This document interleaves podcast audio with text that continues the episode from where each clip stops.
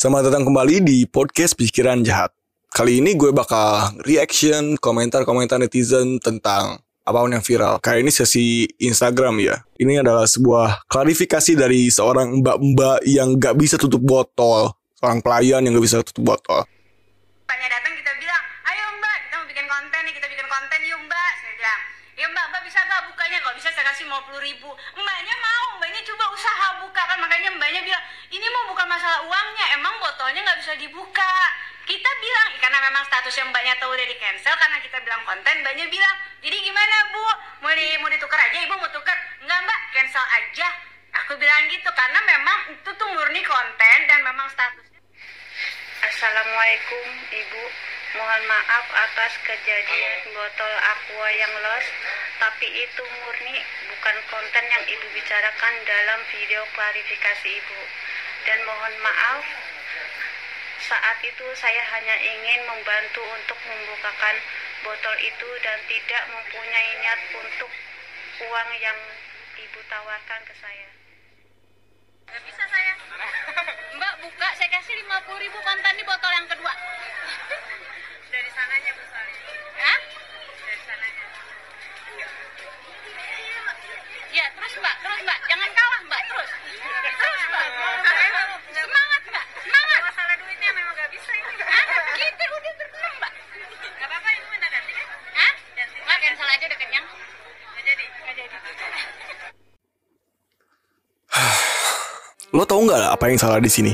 Gini ya, kalau lo memutuskan untuk membuat konten challenge kepada orang lain, janganlah bikin challenge atau tantangan beda dong sama dengan menipu orang lain. Ini jatuhnya menipu dong. Kalau satu botol gak bisa dibuka dan jelas-jelas itu gak bisa bener-bener dibuka karena loss atau doll, ya jangan lo paksa buat orang lain supaya buka. Mau lu ngasih 10 juta, 20 juta gak akan bisa lah. Karena itu kan loss, kan itu doll yang nggak akan bisa dibuka lah. Eh terus kan si waitersnya bilang ini mau diganti aja. Terus lo bilang gak usah ini cancel aja udah kenyang. Lah kok bisa gitu sih? lo jatuhnya itu mempermainkan juga, udah mah menipu, mempermainkan juga. Kita baca komentar-komentar netizennya. Wow, saya tidak pernah melihat adanya budaya sopan santun dan saling menghargai. Shame on you. Cara melihat sifat asli seseorang bisa dilihat dari dia memperlakukan pelayan, driver, ataupun yang lainnya. Jadi bisa disimpulkan bahwa dia titik-titik-titik. Bukan masalah duitnya, memang gak bisa dibuka ibu. Beneran gak lo bu? Hello, gak, gak semua bisa dibeli pakai uang bu. Tapi gue mencoba untuk membuat perspektif dari ibu-ibu ini ya. Ini salah salah pelayannya juga sih. Kenapa mau ya? Harusnya kan dia tolak dari awal gitu kan. Harusnya juga kan dia bilang kalau ini bisa disetting kan. Kan harusnya bilang kayak gitu ya. Atau pas pas ibu-ibunya on cam, lo tutupin aja kameranya gitu. Terus bilang, "Bu, kan bisa ya kayak gitu." Kita baca komentar lainnya. Dari Ed Raya eh dari Rafaya Merah 9451 ah kenapa sih semua netizen Indonesia atau mungkin ini buzzer ya selalu memakai ID atau nickname yang sulit untuk dibaca supaya nggak gampang ingat mungkin ya? Dia bilang kayak gini. Gak suka banget cara ibu ini bicara. Kelihatan banget suka meremehin orang. Udah tua masih aja konten-kontenan. Lah emang kenapa kalau konten-kontenan? Salah gua Hah? Ya konten kan bebas, gak, su- gak harus anak muda juga loh. Deddy Corbuzier aja udah berapa tahun itu masih konten-kontenan, salah juga. Kenapa nggak nyalahin Deddy Corbuzier aja? Kan sama, udah tua juga. Eh, lu aja yang nggak FYP FYP mungkin ya. Jadi lo bisa bilang kayak gini. Terus ada lagi nih dari Etula Fuck you. Lagian udah nenek-nenek bukannya banyakin ngaji gitu malah bikin konten Lah kan emang nggak bisa ya? Kan bisa ya. Kita bikin konten sambil ngaji.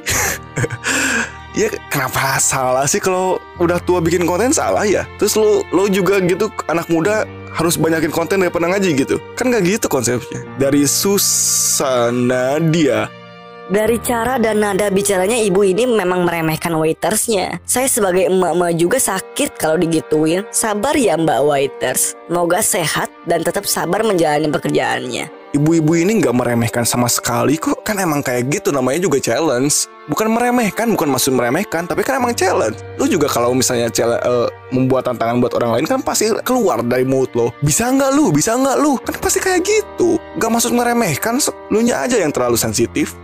Oke kita next ke konten berikutnya. Ada berita nih. Seorang anak 12 tahun di Subang mengalami, gangguan syaraf hingga meninggal dunia. Setelah didiagnosa, korban mengalami gangguan syaraf akibat kecanduan main game online. Menurut Ikatan Dokter Indonesia atau disingkat IDI bilang, kecanduan game online sangat berbahaya bagi tumbuh, kembang, dan psikologi anak. Saya bilang kayak gitu. Kita langsung next ke komentar netizennya dari Disti Weasley. Intinya jangan pernah kasih anak untuk bermain game online. Karena sifat dari game online itu bikin candu. Lebih baik dikasih aplikasi yang merangsang motorik dan kreativitasnya. Karena saya menerapkan kedua anak saya seperti itu. Alhamdulillah mereka tidak pernah main game online malah cenderung gak suka anak lo masih anak-anak lo nggak tahu kalau udah gedenya kayak gimana dan lo masih membangga-banggakan cara mendidik ke anak lo menurut gue ini gak guna ya terus ada yang bilang kayak gini Gara-gara gak sekolah, sekarang pakai HP semua. Yang orang tuanya jadul mana tahu game online, taunya ngerjain tugas.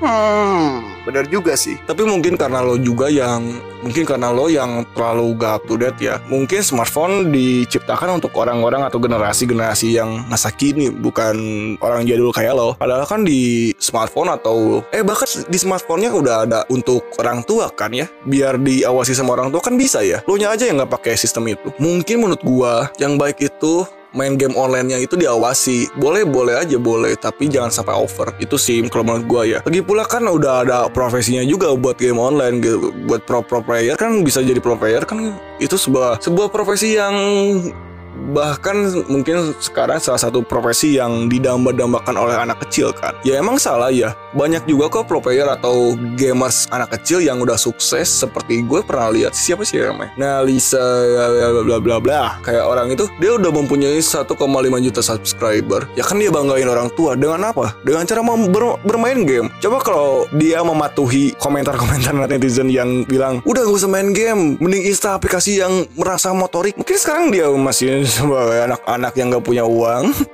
kita next ke konten berikutnya ini adalah berita dari Ed Yasa ya Showbiz mereka merepost mungkin ya jatuhnya merepost video dari Wendy dan Arab tentang pernikahan mereka kita baca komentarnya Nyokapnya Arab, kerudungan, respect. Nah terus kenapa? Kenapa kalau ibunya Reja Arab kerudungan? Menurut gua ya generasi-generasi Z ya mungkin generasi Z ya. Kebanyakan tahu Reza Arab ya. Jadi menurut gua udah nggak lucu atau apa sih ya komentar-komentar netizen yang bilang ini siapa ya? Itu siapa ya? Ini siapa ya? Ya kalau nggak tahu kan bisa next gak usah komentar.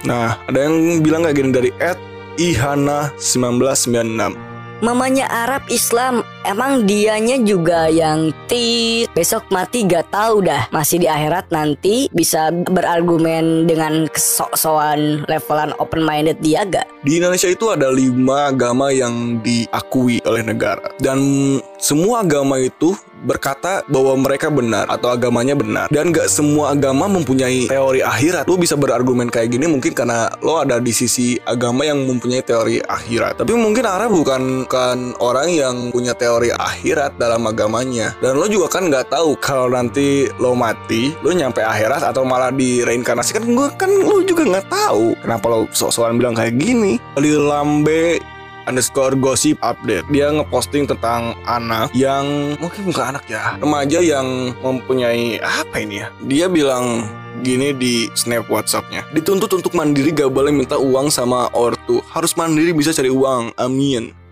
terus di nextnya dia bilang Bismillah open BO yuk say terus lagi Alhamdulillah dapat bookingan besok ada dua orang semoga selalu berkah. Yang namanya open BO kan pekerjaan yang haram ya. Kenapa lo ngarepin berkah? Terus kan ini gini ya, ini kan repostan dari mungkin ini juga kan snap WhatsApp atau WhatsApp WhatsAppan yang palsu ya. Ini netizen juga nganggapnya asli ya. Ada yang komentar gini, Mohon maaf, netizen itu bukannya dilarang ya? ya kan ini bisa aja palsu ya. Ada yang bilang tadi dari Radenio underscore JR. Nama Tuhan tidak pantas dijadikan seperti itu, sekalipun itu sebuah jokes. Hmm, ya kalau nama Tuhan gitu menurut gua nggak kurang asik lah kalau pakai jokes. Tapi gue bakalan coba pakai perspektif yang cewek itu ya. Ini gini, di masa yang sulit ini, di masa pandemi, semua orang pasti mencari-cari uang dengan cara yang gampang, segampang mungkin. Ya, open WO kan salah satunya cuman cuman tiduran doang gitu ya. Lo goyang-goyang dikit aja dapat duit kan. Ya gampang lah itu. Semua orang bisa kayak gitu. Nggak sih nggak semua orang. Kayak cuma orang-orang yang bisa good looking dan yang emang lahirnya good looking bisa kayak gitu. Dan lu asal lu tahu aja kalau misalnya pekerjaan seks komersil itu kan udah dari dulu ya. Seberapa kali lo dilarang atau atau melarang pekerjaan ini, bakal ada terus. Lo nggak akan bisa ngeberhentiinnya. Ini adalah sebuah sifat alamiah dari seorang manusia. Seks itu kan emang sifat alamiah ya. Manusia kan dari hewan. Gue percaya itu sih. Ada sisi hewan kita yang selalu haus akan seks, tapi kan gimana caranya? Makanya ada namanya peri kemanusiaan. Padahal dia udah manusia kan. Kita udah manusia, tapi masih ada kemanusiaan. Kan itu nggak nggak logis ya. Kenapa? Ya karena kita mempunyai sisi hewan, sisi hewan yang harus dikontrol, seperti seks. Seks kan itu sisi hewan kita ya, seperti kucing lah. Kucing yang selalu uh, ngambilin betina sana sini tanpa dikawinin kan. Nah, sifat manusianya harus menekan sifat hewannya supaya stabil, seenggaknya stabil. Itu sih menurut gua. Ya mungkin segitu aja dari konten sekarang. Dengerin konten-konten gue berikutnya. Bye-bye. Oh iya, kalau lo punya pikiran jahat entah itu buat temen lo, pacar lo, saudara lo, orang tua lo, atau mungkin pemerintah, lo bisa kirim pikiran jahat lo ke email gue di podcast.pikiranjahat@gmail.com. Sekali lagi, di podcast.pikiranjahat@gmail.com. Jangan lupa follow akun TikTok gue di @pikiranjahat. Bye.